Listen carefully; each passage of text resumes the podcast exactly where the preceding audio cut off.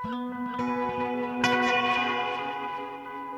sæl, kærlustendur, viðsjá dagsins býður upp á söngfugla frá Kúpu, levandi skúltur í Moskvu, Emil í Kattolti og Mugg. Í viðsjáðu dag verður rætt við Jan Wiesenberg, eigðanda alþjóðlega kvikmyndafyrirtækisins Lorem Ipsum, en hann hefur yfir umsjón með framleiðslu á levandi skúltur Ragnars Kjartanssonar sem nú fer fram í GS2 listamöðstöðinu í Moskvu. Auk þess eru þau Jerome og Bridget Dobson tekinn tali en þau eru höfundar Santa Barbara sápuóperunar og hafa síðustu dagana heimsótt Moskvu þar sem að höfundarverk þeirra lipnar við í höndum Ragnars Kjartanssonar og Ásu Helgu Hjörlefstóttur auk fjölmarkra annara listamanna. Og frá Moskvu höldum við til Kúpu, allavega í huganum, þar sem að er til siðs að halda söngfugla í búrum. Hefð sem fluttist líklega þanga frá Kanaríum eins og listakonan Katrín Elvarstóttir segir frá í samtali um síninguna Söngfugla sem nú fer fram í Hafnarborg. Katrín ferðast til Kúpu fyrir nokkrum árum en hófi ekki að skoða ljósmyndirnar úr ferðinni fyrir hann COVID skalla. Úr var bók sem að svo umbreyttist í síningu sem að við heimsækjum í þætti dagsins. Úr Hafnarfyrðunum förum við á aðra síningu í miðba Reykjavíkur Ólöf Gerður Sigfúsdóttir lagði leið sína í listasafn Íslands þar sem hann nú stendur yfir forvitnileg og heillandi síning um Guðmund Torstensson eða Mugg eins og hann er jafnan kallaður. En við byrjum þáttin í dag í Borgarleikusinu þar sem að síningin Emilí Kattoldi var frumsynd um helgina. Nína Hjálmarsdóttir tekur nú við. Hlustið kæru vinir ég skal segja ykkur sögu Á þessum orðum hófst frumsynning á hennu sígilda verki Astrid Lindgren Emil í Kattolti í borgarleikusinu síðastliðin laugardag. Um leið og þessi töfra orð voru sungin mátti finna hvernig hvert einasta barn í salnum lipnaði við, bæði sjálf börnin en líka innri börn okkar sem fullorðin heita. Astrid Lindgren hefur fyrir laungu tryggt sér sinn stað sem einn vinsalasti barnabóka höfundur heims og er það verð skuldað en það hafa sögur hennar mótað heilu kynnslöðunar af börnum og skilning þeirra á frelsi, réttlæti og mátt hugmyndaflugsins. Þá er hægt að nefna feminískar fyrirmyndir eins og Lína Langsokkur, umhverfisaktivistan Ronju Ræningadóttur og hugrekkar hetjur eins og Jónatan í bróðuminn Ljónshjarta. Emil minnir síðan á mikilvægi þess að hunsa stundum reglutnar og gera það sem er rétt, sem og að hætta aldrei að leika sér. Eitt af því máttuasta sem listin og leikúsið getur gert er að opna fyrir börnum undraheima, sagna, spennu og gleði. Augnablík sem sprengja í þeim ímyndunaraplið og skilja eftir sér spór ævi langt. Eflaust eiga mörg slíka minningu sem vekur upp fortíða þrá og dregur fram innra barnið sem vill bara fara út að leika. En uppfærslan af Emil í Kattolti tekst svo sannarlega að grýpa alla áhörundur með inn í ævintýra heim. En stundum var erfitt að greina á milli hvor skemmti sér betur, ég eða ungir sessunutar mínir. Sviðsmynd Efi Signi Bergir á þar stóran þátt en hún er vegleg og úthugsuð og fleitir áhörundum á milli hinn að ymsu kema hlinskóa og gefur ekkert eftir í smáatriðum eins og allir spítukallarnir sem Emil tálkar í smíðaskurnum. Minnisverður var einnig gríðarstór hestur sem fleitur Alfreð til læknisins í hættulegum snjóstormi. Lýsing Pálma Jónssonar rýmar fallega við heiminn og periódubúningar Marju T.H. Ólafsdóttur eru smekklegir og gleðja augað. Sviðsljómsveitin undir stjórn Agnars Más Magnússonar gerir afskaplega mikið fyrir heildarmyndina en svo ákverðin að hafa levandi tónlistaflutning sínir að borgarleikusið tekur alvarlega hlutverku sínu að miðla leikúslistinni til barna. Emil sagan sem hér er sínd er svipuð og svo í bíómyndinu frá 1971 en þar er mörgum bókum um Emil spyrt saman. Þessi saga fyrnist aldrei sem sést í því hvernig prakkarastrygg eins og súpuskálin, músargildran og fánastöngin eru alveg jafn fyndin og þau voru fyrir áratugum síðan. Sum allra skemmtilegustu móment síningarinnar eru í ringulreiðinni sem myndast vegna uppáttækja Emils en þar fá danshreyfingar líprátt að njóta sín. Hópurinn telur marga leikara og miklu fleiri personur og stendur sig yfir höfuð bráð vel. Á frumsýningunni voru það Hlinur Alli Harðarsson og Sólei Rún Arnarsdóttir sem voru í hlutverkum Emils og Ítu en því lík hæfileika búnt sem eru hér á ferð. Sviðst nærvera þeirra var mjög áhrifamikil og þau mistu aldrei úr takt. Þorsteit Backmann var líka eftirminnilegur í hlutverki föðursins sem við fyrstu sín virðist vera holdgerfingur leiðinda, sparsemi og íhaldsins en er í raun tilfinningaríkur og djúpur og elskar Emil þrátt fyrir öll skammarstrykkin. Það er ekki hægt að fjalla sérstaklega um hvern einasta leikara en hér verður þó að nefna hversu ógleimanleg ástildur Úa Sigurdardóttir er í hlutverki línu vinnukonu. Húmorinn, næmnin og stingandi augn tillitinn fanga aðtökli áhörendans svo óspart að maður gjörsamlega fellur fyrir personunni.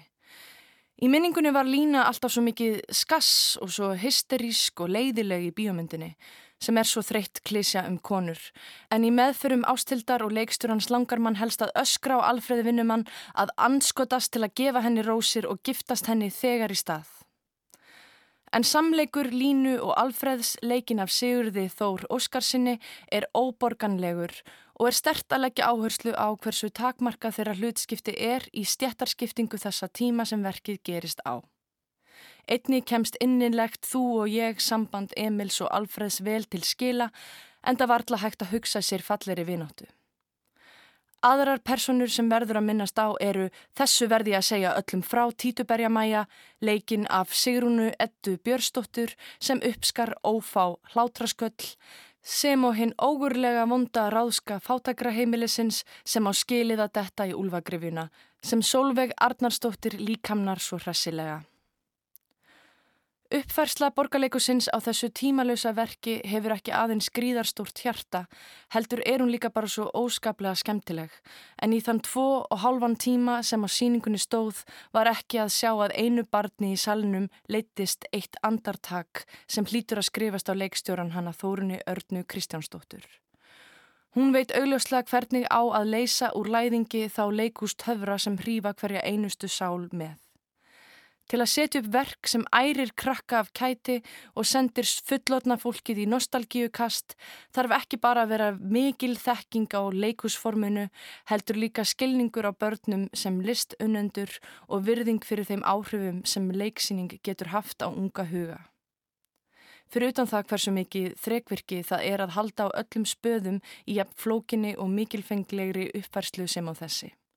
Gleðin hefur verið allsráðandi í þessu ferli sem sést kannski best í því hversu greinilega leikhópurinn nýtur þessa flytja verkið. Senan þar sem Emil sækir fátæklingana og gefur þeim allan jólamatin í kattholti snertir við hverjum áhæranda og er dæmi um hvað góðar bókmyndir eða leiksýningar geta skilið eftir sig mikilvægan bóðskap hjá börnunum. En sem fullorði mannskja fannst mér ég upplifa skilabúðu nú á allt annan hátt. Astrid Lindgren sagði vist sjálf að framtíðin ræðist að miklu leiti af krafti ímyndunar absterra sem er að læra að lesa í dag og er ég henni þar sammála. Börn verða að fá rými til þess að láta sér leiðast, að leika sér, að skapa, að bylla og láta sér dreyma aðra heima. Þess vegna er svo nöðsynlegt að segja sögu af barni sem notaði hugmyndaflugið til hins ítrasta let engan stoppa sig í tilraunum sínum, hlustaði og sagði sögur, hunsaði fyrirmæli og fyldi sannfæringunni og hætti aldrei að leika sér. Hér er á ferðinni næm leiksinning þar sem ómælis vitt ímyndunar apsins ræður ríkjum og skilur alla eftir með brós á vör. Saði Nína Hjálmarsdóttir um Emilí Kattóldi í borgarleikusnu. Úr ævindir heimi hins uppáttækja sama strákskratta fyrir við til Moskvu. Þar er Guðin Tómasson stattur eins og hlustendur viðsjár ættu nú að vita.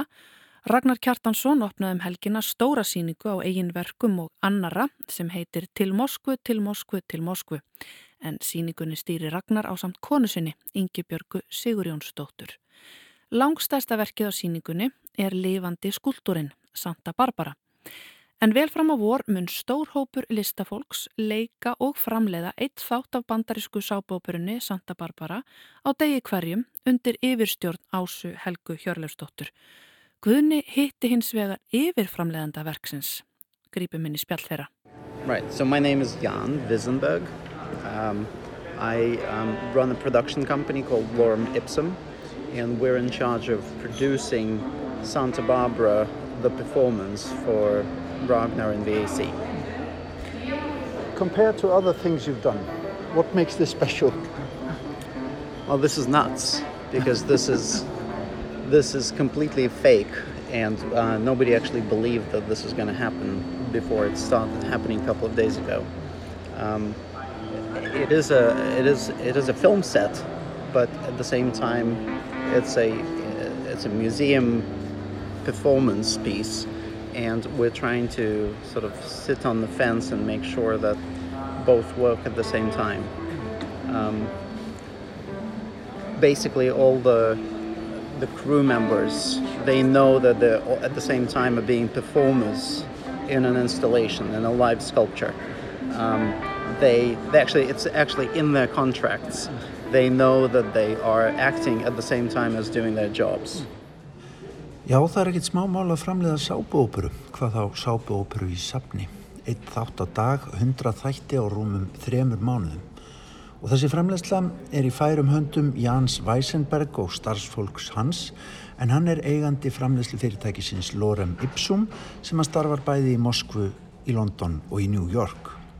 Þetta er algjörlega brjálað og fullkomlega tilbúin veröld auðvitað, segir Jan og ekkert okkar trúði að þetta myndi einfallega gerast áður en það fór allt í einn að lefna við fyrir nokkrum dögum. Þetta saði Ján þegar við töluðum saman á opnunardegi síningarinnar nú um helgina. Þetta er kvikmyndaver, segir hann, sem að hér er í gangi, en um leðir þetta listaverk í safni, gjörningur sem lifnar við og lifandi skúldur. Og við þurfum að tryggja að þetta gangi allt upp samhliða. Allir hér, líka tæknilegið, ekki bara leikararnir, eru hluti af verki Ragnars. Og þegar við Ján tölum saman þá er búið að æfa fyrsta þáttin einu sinni og verið að taka hann upp á meðan við spjöllum. Þetta er hins vegar eini þáttur sábúðupurunar sem er endurtekin með þessum hætti. Þáttur nr. 217 því það var fyrsti þátturinn sem að síndur var í Rúslandi eftir fall Sovjetríkjana. Og svo þarf bara að taka upp eitt þátt á dag alveg fram á vor. Ragnar valdi að gera þetta óvunlega listaverk vegna tengsla sábuópurunar við sögur Rústlands og falls á vitríkjana. En það var Santa Barbara fyrsta bandariska sjónvasefnið sem að rúsum var bóðið upp á skömmu eftir fallið. Og að baki þessum lifandi skúltúr er tveggja ára vinna. Been uh, putting this together for two years now, starting from scripts um, to casting, to casting the crew members since they're also performers, um, to um, working out the pipeline um, for, because this is a full-on television station slash um, cinema soundstage built inside a, a museum. Um, so that took a lot of time, not just technically, but also in terms of like, working out what this piece is going to be, because um, the original idea that Ragnar came up with uh, was let's reshoot Santa Barbara, but and here's the space. But then we had to come up with ways to do this. We're shooting one episode a day, and um, we needed to uh, figure out how to actually technically make it happen. Um, Það þurfti auðvitað að velja alla aðila vandlega í þetta verkefni, ekki síst leikarana sem eru margir hverjir hámentaðir og glæsilegir í hlutverkum sínum. Og hér er í raun um að ræða kveikmyndaver eða sjómastöð. Ragnar kom fyrst fram með hugmyndina og svo þurfti bara að átta sig á því hvernig þetta væri gert tæknilega. Og hvernig var síðan að vinna í þessu rými fyrir leikarana og tæknifólkið að vera svona á sviði fyrir gesti sapsins í fyrsta sinn? And it was quite surreal because uh, nobody understands what's happening and they are staring at it as if it's a painting which I think is the point. You know, you just it is a live sculpture, so you look at it and it's constantly moving and evolving in front of your eyes, and you're trying to figure out what you're feeling. You know, is this, and I think a lot of people battle with the idea of what is art at this point. You know, why is this called art? Why is this in the museum? Do I feel anything? Do, do, does it reach me? Does it communicate to me? Is this a modern day black square? um, and I think it's so in that in that respect I think it's it's working because it's um, on on one side it's um, sort of the continuation of Wagner's idea of endurance art where we just repeat and repeat and repeat uh, you know the same thing until it becomes um, um, real in a mesmerizing sort of way and almost spiritual. But at the same time it's, uh... Þetta var mjög súralist til að byrja með segir Jan Weisenberg því enginn átta sig alveg á því hvernig þetta muni fara Fólk glápir á okkur vinna við þessa framleiðslu eins og við séum málverk sem við erum kannski þó að við reyfumst jú stanslust og breytumst frammi fyrir augum gestsins. Gestinnir er að reyna að átta sig á þessu og fara að spyrja sig spurninga, átta sig á eigin tilfinningum. Þá fer fólk að kljást við spurningar eins og hvað er list, af hverju er þetta kallað list, af hverju er þetta í sapni og talar þetta til mín, miðlar þetta mér einhverju. Er þetta kannski nýr svartur ferningur, rétt eins og málverki fræga eftir hann Malevits, nema kannski nýr svartur ferningur fyrir samtíman? Ég tel að þetta virki, segir Jan Weisenberg. Þetta samrýmist hugmyndum Ragnars um úthaldsmyndlist, þar sem við endurtökum alltaf aftur og aftur, þátt eftir þátt. Þetta verður nánast dáleðandi en það fær fólk líka til að hugsa um ímislegt. Og þetta reynir á gestin að mörguleiti. it provokes people to think. It provokes people to think about the nature of what's happening here, and it sort of throws them out of balance. And once you're thrown out of balance, that's when you realize, oh, I'm alive. I'm actually thinking. I'm not just, you know, it just doesn't go in without uh, processing. You're actually pro- you're trying to process what's happening, and so your brain is turned on. Já, þetta er listaverk sem að kveikir á kvörnunum í höfðum okkar, segir Jan Weisenberg. En hvernig líst honum á framaldið? Það að vinna við þetta í þrjá mánuði til viðbútar og taka upp og setja saman eitt þátt á dag í þrjá mánuði. Ljós kemur að Jan hefur ekki miklar áhugjur af tæknifólkinu sínu, heldur frekar leikurunum sjálfum, því að þeirra veruleiki mun renna saman við sapnið næstu vikur og mánuði. Well, the crew, since it's 100 days of non-stop, right? Um, and so the crew is working three days. We have two units. So each unit works for three days and then they rest for three days. So they rotate. Um, it's, a, it's relatively easy for a film crews. Uh, but the actors are here every single day. So our main worry is about the talent. You know, can they sustain the energy? Because um, right now everybody is extremely excited because um, Bridget Dobson and Jerome Dobson came to support the crew and support Ragnar, and uh, that was very important for everybody too because they everybody felt oh this is for real. This is not some prank. This is like we're actually connected to the real Santa Barbara somehow right? So there's this live thread. Um, Jan nefnir að það hafi verið mikilvægt leikurunum og tækniliðinum að hinga til Moskvu komu heiðursjónin Jerome og Bridget Dobson höfundar Santa Barbara þáttana. Koma þeirra rétt fyrir opnun hjá Ragnari gerði þetta allt einhvern veginn raunverulegra. En Jan nefnir líka að þau séu smáfarin að velta fyrir sér þegar lætin í kringum opnununa eru kannski farin að vinga eftir nokkra daga hvort þau þurfu ekki aðeins að setja eins og einn og einn skiptilegil inn í þessa vel smurðu vél.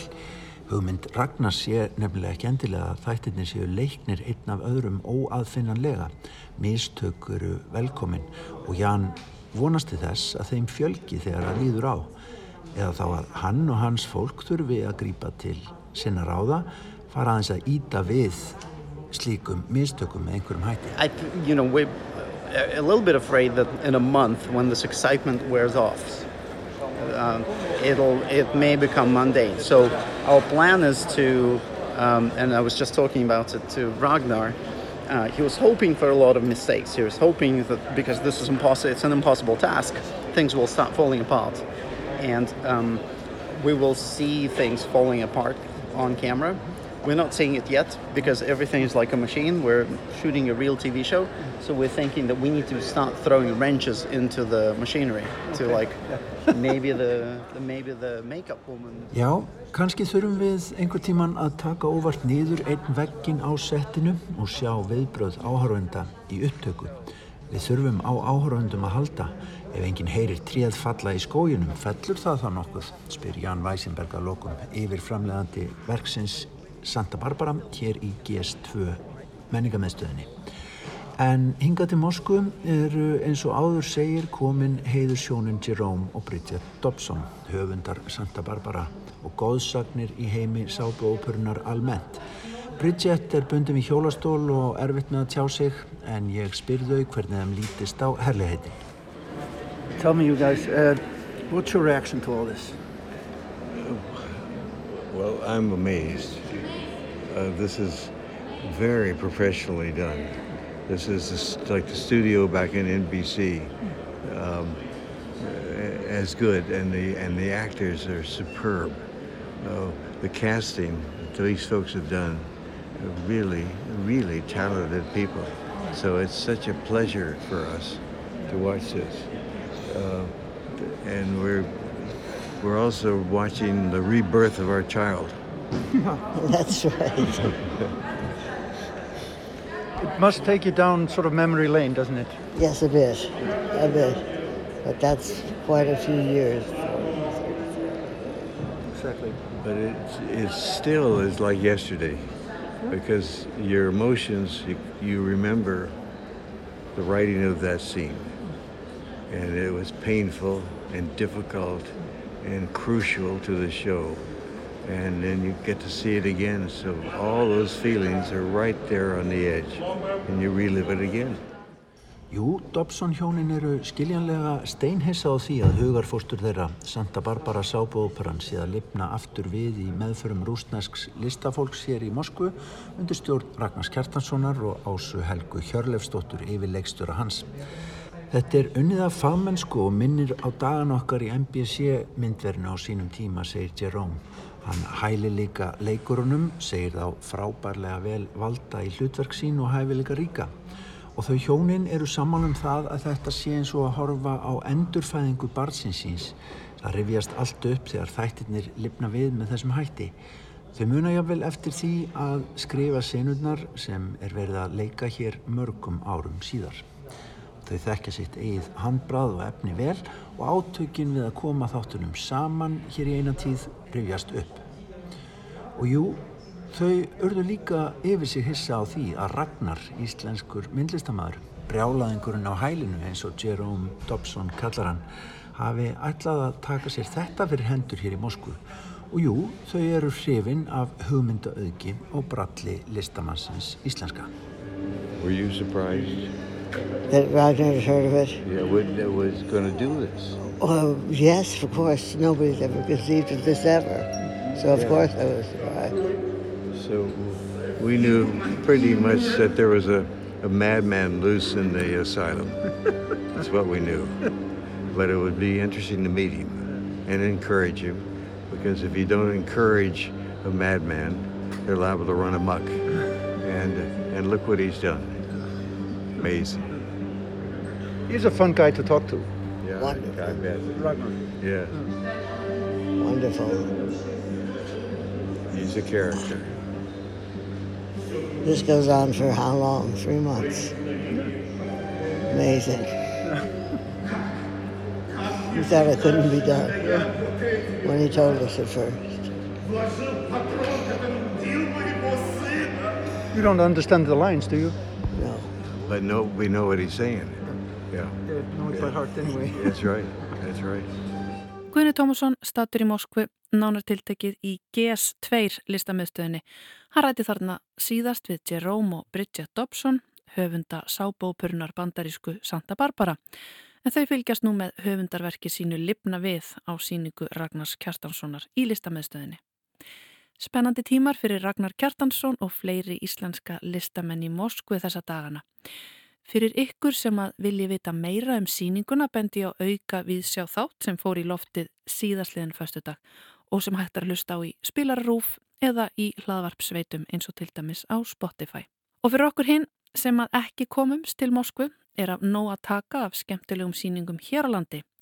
Einn þeirra er í listasanni Íslands og fjallarum ekki síður fjölhafan listamann sem því miður átti allt of stutta æfi. Ólöf Gerður Sigfúsdóttir tekunum við. Listamæðurinn Muggur er sennilega kunnastur fyrir framlagsitt til barnamenningar hér á landi en hans þekktasta verk, barnabókin Dimmalim, skipar stóran sess í bensku margra landsmanna. Muggur eða Guðmundur Torstensson eins og hann hétt fættist á Bildudal árið 1891 en fluttist 12 óra gamall með fjölskyldu sinni til Kaupmannahefnar þar sem hann myndlist við konunglega listaháskólan í krafti auðs fjölskyldu sinnar. Þrátt fyrir stuttan listamannsferil var hann afkasta mikill og afar fjölhæfur listamæður en hann lést úr berglum aðeins 32 ára gamall í Kaupmannahefn. Það er einmitt þessi fjölhæfni sem er svo skýrt dreyn fram á síningu sem nú stendur yfir í listasafni Íslands og er helguð listamanninum. Sérstæður myndheimur mugs spannar víðanvöll þar sem barsleg frásagnarkliði og draumkendur fantasíuheimur kallast á við raunsæðislegar landslags- og mannlífsmyndir. Í raun má segja að hann hafi verið á undan sinni samtíð og eigi kannski meira sameigilegt með gjörningalistamennnum samtímans fremur en listamennum sinnar tíðar. Á síningunni kynnust við heillandi ævintýraheimum prinsa og prinsessa, fáum svipmyndir af fjölbreytti mannlífi, sveitarlífi og skemmtanalífi, skeknumst inn í náðarheim trúarinnar og ekki síst fáum við insinn inn í persónulega tólkun mugs á þjóðsagnaarfinum. Ég var hins vegar dálitið vonsvíkin að finna ekki upprönnulegt handritið af dimmalim en þegar ég var búin að ganga nokkra ringi um síninguna í þeirri trú að það færi alltaf fram hjá mér komst ég að því að það hefur verið lánað erlendis á síningu. Það verður að taljast nokkuð óheppileg tímasetning en vonandi verður handritið aftur orðið hlutið af síningunni áður en henni líkur í februar á næsta ári. En sjálf hafði ég ekki gert mig grein fyrir hversu fjölhafur listamæður muggur var og það kemi ekki á óvart ef fleiri upplifið það sama eftir heimsokna safnið. Heil 30 ár eru liðin frá því síðast var haldin yfirlitsýninga á verkumanns og enn lengra er síðan listfræðingurinn Björn T.H. gerði heimildamind sína um mugg. Það er því vel til fyndið hjá safninu að endurvekja þennan listamann nú þegar 130 ár eru liðin frá fæðingu hans. Megin uppistaða síningarinnar eru verk úr rausnarlegri gjöf sem safninu hlotnaðist árið 1958 frá dönskum listamanni og profesor en auk þeirra eru mörg verkana úr enga eigu og safnegn annara safna.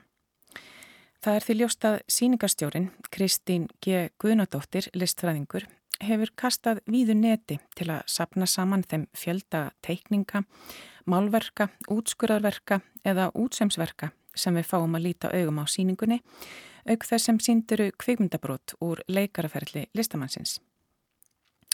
Þá verður að nefna sérstaklega umdeildari verk sem endur spekla flóknari málefni samtímans eins og úrælt kynjaviðhorf eins og þau byrtast í sögunum dimmalim eða kynþáttahatur líkt og í bókinum Nægrastrákana. Það fer þó heldur lítið fyrir þessum verkum þar sem þau eru staðsett í síningarkassa á efrihað sapsins í rými kaffihúsins.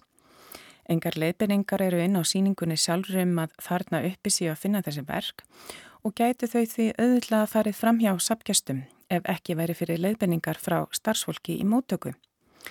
Hér er hins vegar kjörið tækifæri fyrir sapnið að skapa vettvang til samræðu um myndlist og erfið eða eldfim mál eins og það byrtast í þessum verkum sem auðvitað eru börn síns tíma. Andrumsloft síningarinnar er heldur alvarlegt en dökkrár litur og veggjum og teppalagt gólfið í sama lit gefa síningunni nokkuð þungan og jáfnvel drungalegan blæ. Þetta andrumsloft fannst mér ekki beint tengjast barslegum og stundum skoplegum verkunum. En þarna er líklega um fagurfræðilega ákverðun sapsins að ræða sem velur að draga fram þennan tón sem helst tengist tröllamyndum mugs þar sem myrkur og ógn eru leiðarstef. Eins hefði verið hjálplegt að hafa texta á veggjum til að leiða sapgefsti betur í gegnum ólík tímabili ferli listamannsins. Ef til vill einhvers konar sögumann sem gæfi manni samingi í þá frásögn sem síningin sjálf býr til, kannski í stíl við frásagnargleiði mugs sjálfs. Þannig væri ít enn frekar undir fræðslugildi síningarinnar, en líklegt þykir mér að sapgesti þyrsti í enn frekari upplýsingar um þennan forvinnilega listamann. Og þótt þetta samingi komi vel fram í glæsilegri útgáfi sem fylgir síningunni, sem hægt er að nálgast víða um sapnið og grípa niður í, þá er ekki allir sem gefa sér tíma í slíkt meðan á sapnheimsókn stendur. En þrátt fyrir þetta drungalega andrumsloft standa verkin vel fyrir sínu. sérlega forvinnilegt þótti mér að sjá þrývið verk múks. Heitlandi verk eins og útsömaðan púða, útsömað hulstur utanum elspítnastokk, handmálaðan silkiklút og útskorinn rauðan hest. Þessi verk eru talin hafa gert það verkum að hann hafi fremur verið áletin dútlari en ekki alvöru listamaður sem átt ekki róði í samtíðarmenn sína eins og kjærvaleiða Jón Stefánsson sem máluðu meistaraleg landslagsmálverk meðan muggur var að dunda við að sauma út. Í tengslum við þessi verk hefði ég gerna vilja sjá meira fjallaðum flóknari þætti eins og kynjafræðilegar vittir þótt vissulega sé snert á þeim í útgáfinni og sennilega eru fleiri samála meiri því en þar sem ég stóð og virti fyrir mér eitt verkið vatt sér að mér annar sapkistur, vingjartlegur karlmaður á miðjumaldri og sagði Já, hann hefur bródraðkallin. Þetta gerði ég nú líka þegar ég var strákur í sveitinni og þótti nú ekki kallmannlegt í þá daga. Svo áttu við vingarlegt spjallum verkin sem endaði jafn snöglega og það byrjaði þegar sími mannsins ringdi og hann kvarf sviblaga úr salnum. En hér er á ferðinni lærdomsrík og forveitnileg síning um heitlandi listamann sem kemur skemmtilega óvart. Síningin er áferðarfalleg og augljóst að hér hefur verið vanda til verka í allri umgjörð og framsetningu. Lífslaupi Muggs er vel líst í útgáfinni og myndskupan hans sett í listsögulegt samingi þar. Kafað er bæði á dýftina og breytina í þeirri rannsóknarvinnu sem farið hefur fram í tengslum við síninguna en fyrir utan vandaðar greinar bætir útgafan miklu við þá myndaflóru sem síningin færir okkur í síningarsalum sjálfum og mun lifa sem varanleg heimild eftir að henni líkur. Saði Ólöf Gerður Sigfúrsdóttir um síninguna um mugg í listasafni Íslands. Og frá listasafni Íslands förum við í Hafnarborg í Hafnarfyrðinum en þar stendun yfir síning á ljósmyndaverkum Katrínar Elvarsdóttur.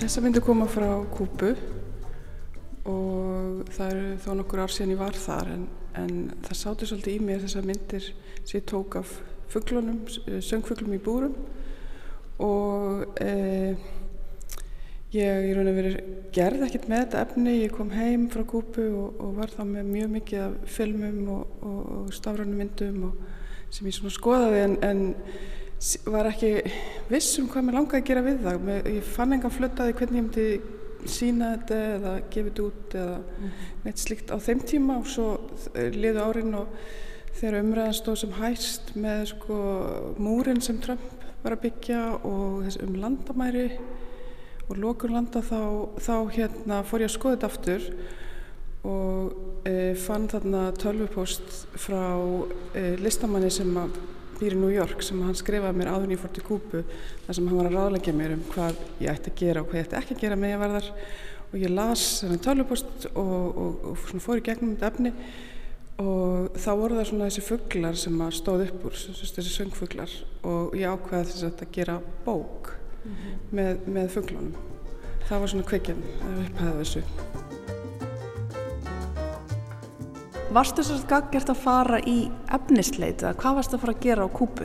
E, nei, ég var bara svo spennt að fara á hangað og þetta var þeim tíma þar sem að Castro e, var ennþá en hann var, það vissi enginn hvort hann væri lifandi eða hvað var ég, þess að sá hann aldrei og, og bróður hans að tekja við og ég hugsaði sko þegar hann deyr þá breytist alltaf kúpi, ég verði að fara á hann áður en að allt breytist mm -hmm.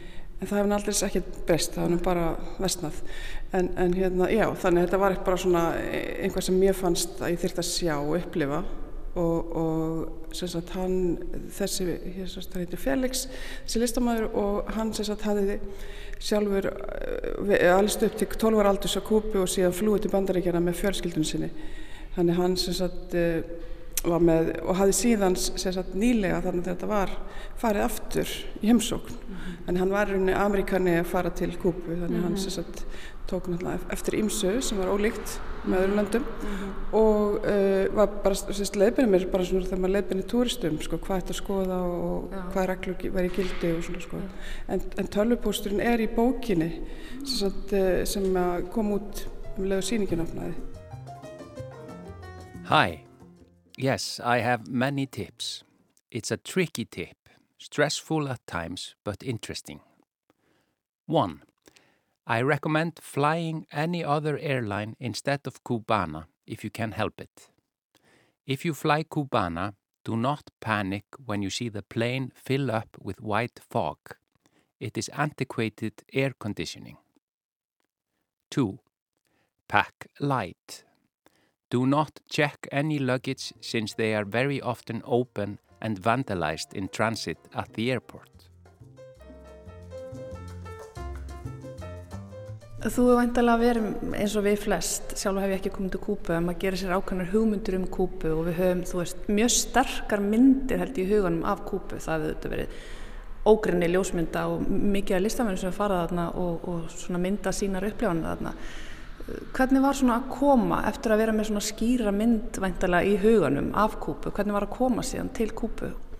Já, upplifun var merkileg, þetta var mikið æfintýri en svolítið mikið sjokk líka það er mjög mikil fátækt það er, það er eh, bara, bara svo margt svona, svo mikil eimt það var upplifun og svo líka þetta með að, að, að þess að fallegu byggingar eru allar að hörna og, og uh, fólk er náttúrulega rosa vingjarlegt og það er þessi aðeinslega tónlist og, og þetta eru bara svo miklu svona kontrastar mm. í allir leiti sko. Mm. maður veit ekki alveg, maður er með lengi að melda eftir að maður ferða þann sko. Þú er verið lengi að melda þessar, þessar myndir voru hann í kassa í mörg mörg ár þannig að þú grófstar aftur upp. Já, það er alveg rétt, já. Og ég sá svona annan flut að því því að þegar þetta fór svona alltaf fullt 2020 í þess að COVID skellur á þá fór ég náttúrulega að hugsa um okkur sem eru lokuð inn á þessari eigu hér þó við séum náttúrulega alls alls ekki í, í samanbyrði við, við hvernig fólki hefur það á kúpu sko, það höfum við ekki slæmt. En, en hérna Já, þannig að það, þá fór ég að hugsa um þess að fuggla sem allir, sem ég upplefði voru bara líka við greinsta heimil allavega sem ég kom inn á. Og fólk er mjög duglegt við að bjóða manni og sína manni heimja sér og, og, og eru kannski að bjóða manni sem eru með veitingastæði með að vera með e, nokkur borð þar sem við bjóðum með að bjóða upp á mat og, og eða þá veist, gistingu fyrir ferðamenn eða eitthvað slikt sko. Þannig að maður kom inn á þessu heimili og þá voru alls það er þessu fugglabúr, þau eru líka út í görðum, út í götu og vinna veitingarstöðum og svona þessi hugsun sko að, að fólk sem er lokað inn og má ekki ferðast lokað inn á þessari eigu er með svona mikið fugglum í búrum, svona fallegum söngfugglum mm -hmm. sem er lokað í litlum búrum. Náttúrulega ótrúlega ljóðrænt og sorglegt og tákrænt, það er allt við þetta. Já, nákvæmlega, já.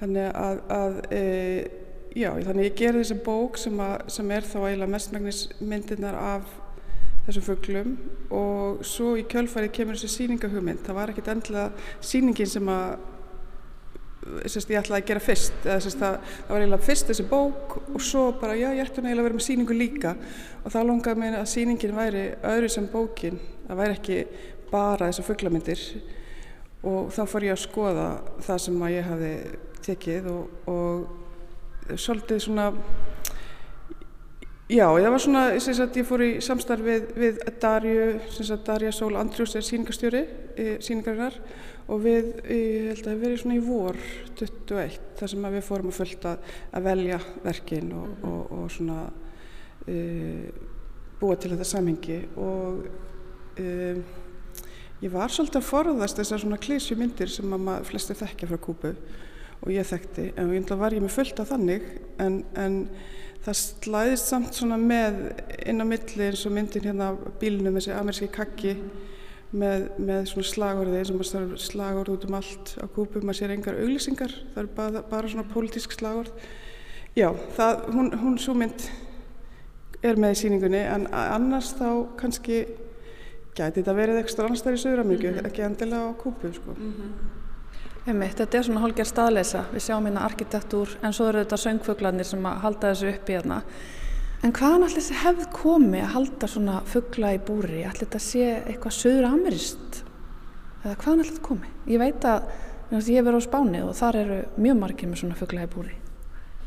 Já, sko, ég eh, komst að því, ég myndi gegnum hann Felix sem að, sem að hérna, skrifaði mér tölvupóst á sín tíma um, um hérna, kúpu, að eh, þessi hefð, hann fór nú bara í rannsóknarvinnu og, og sem sagt eh, saði mér það að þessi hefð kæmi frá Kanaríegjum og þetta var sagt, það er sagt, mjög stór hluti af e, fólkinu á Kúbu er uppröndilega frá Kanaríum og e, það, ha, þeir hafa sérst flúið þangað frá Kanaríum bara í margar aldir í þegar hafa verið styrjaldir en náttúruhanfarir e, eitthvað ástand á Kanaríum þá, þá hefur fólk bara mjög stór fjöldi flust til Kúbu og meira að segja, sagði mig líka að, að hérna, framburðurinn sem er á Kúbu er sami framburður og Kanaríum þannig að hann sem, sem er núna þá býr í Ameríku þegar hann er að ferðast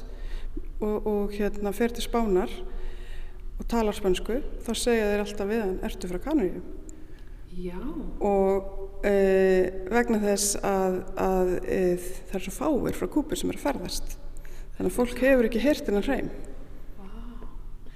Þannig að halda söngfugl í búri þetta kemur frá Kanaríum og við veitum ekkert hvernig það var til þar þetta en, nei, en, nei, wow. veit, nei, þetta er allavega þær upplýsingar sem ég fekk frá honum og mér fannst þetta mjög áhugavert.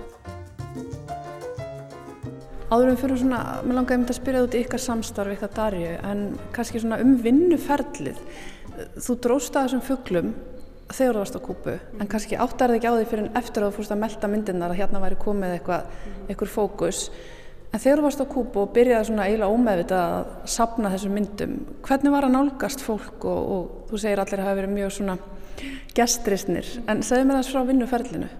Já, eh, ég sko, ég man ekki alveg hvar ég sá þessa fuggla, jú, ég man það núna þegar ég talaði þig, að sagt, ég var á veitingastað sem var ofslega fallið byrta og, og ég horfi eitthvað svona í veitingastæðinu þá er sólun að koma inn og það er fullt af fugglabúrum og, og svona laufin eitthvað að hreyfast og ég bara vá, þetta er bara eins og eitthvað draumur. Hvað hva er í gangi hérna? Og stend upp og bara byrja að taka myndir af þessum búrum. Og ég var með sagt, plastmyndavel e, sem er sagt, filmumyndavel og flass. Af því að það er oft lítið um byrtu sko, af því að það er ekki svona hefbunir Já, gluggar eins og við þekkjum í húsum heldur er þetta svona rimlar eða hlerar. Þannig að það er oft bara að loka, vera að loka út, sko, það er of heitt og það verður að loka fyrir til þess að halda eh, köldu inn í húsunum og þess vegna er, er oft lítil byrta og svo bara er ekki mikið ramagn. Þannig að, að, að þessi harðal byrta sem kemur á flassinu gerir þetta svona ennþá meira e, dölaföld og, og, og svona e, kannski já, maður veit ekki alveg hvar þeir eru. Veist, hvað ákveður þeir hérna í myrkunum sko. Akkurat, akkurat. En, en já, þannig að þetta bara varði eitthvað svona árættað, ég smá saman bara var svona, fór að safna þessu alls þar sem ég fór. En, en hérna og byrjaði bara að banka upp á hjá fólki og, og... ég bankaði ekki upp á hjá fólki. Fólk er voru mikið að koma til manns. Ég bankaði ekki upp hjá neinum. Það var bara svolítið tilvunarkent að maður er bara að lappa og þá kemur einhver og ég tala ekki spænsku, maður vissi nú vilt ekki hvað við vildu og um, ég var sagt að taka með svona eh, PS fyrir krakka og, og svona ymmislegt fyrir greiður og tambusta og eitthvað svona þannig að maður með eitthvað svona til að gefa fólki líka.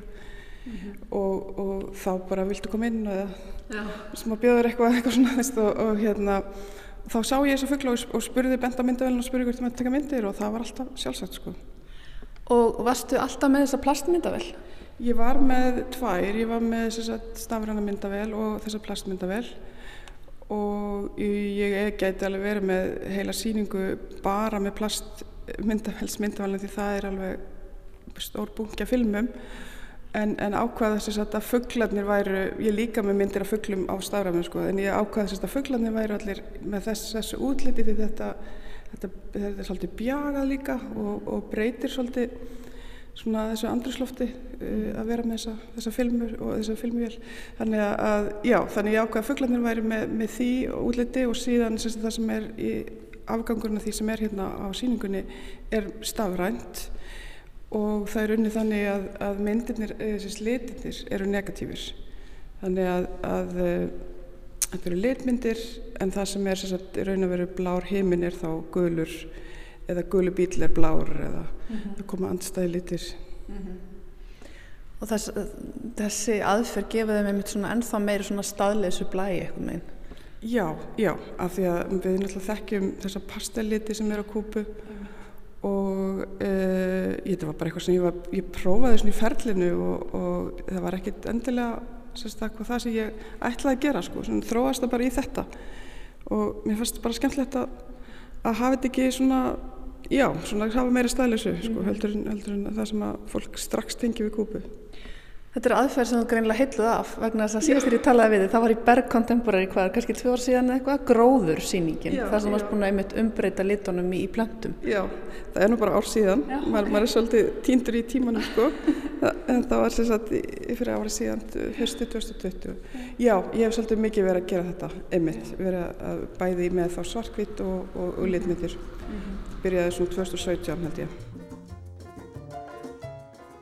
Five. Do not drink the water. It sounds obvious, but I did not listen and I got really sick. Do not drink juice either. Beer is safe and it is everywhere for cheap. 9. Bring candy. You will have children and adults asking for money, and if you can't give money to everyone, candy is always appreciated. Hvernig líðið þið núna að horfa á þessa myndi hérna á veggjónum? Eh, þetta er svona, eins og þú segir, eh, eitthvað svona ófrælsist tilfinning en það er eitthvað við litina sem gefur þessu þessa kúpugleði sem kannski við erum, við erum vön, ég veit það ekki. Það er eitthvað svona, eitthvað einsamdar tótt hérna líka. Jú, þetta er, jú, þetta er náttúrulega mikið arkitektur mm -hmm. og, og það er svolítið það sem að stendur upp úr þegar maður fer þangað er að hvað e, þeir eru margi byggingarstílar, náttúrulega mest frá nýlendu tímanum en hvað þetta er alltaf grotnað niður og hvað þetta er illa farið og, og hérna, já, bara svona sorglegt að horfa upp á það. Þó maður sagt, upplifi líka sko þegar maður fer í gamla bæin í Havana þá er hann er friðaður og er á hérna, heimsminjaskrá e, saminni þjóðina.